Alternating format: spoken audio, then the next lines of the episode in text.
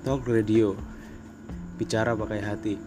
Teman bicara masih bareng Arya di waktu nongki. Di era pandemi gini nih pasti kalian pada bosan di rumah. Ya setidaknya sambil nata-nata isi rumah sih. Tapi tenang sob.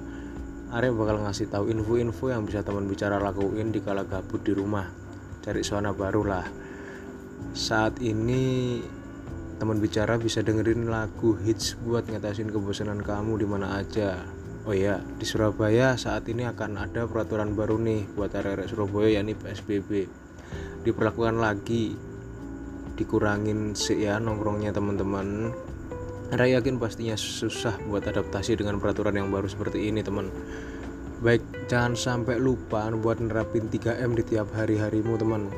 Jaga kesehatanmu, tetap senang-senang dan patuhi protokol kesehatan teman bicara oke teman bicara sebelumnya area mau ngasih kamu informasi nih dalam menerampat pembatasan sosial berskala besar Kementerian Pemuda dan Olahraga berpartisipasi memberikan informasi yang bermanfaat salah satunya menurut staf, staf sus Alia yaitu berita hoax terjadi maintaining our mental health karena itu harus diperbanyak literasi media terutama para kawan-kawan muda nih.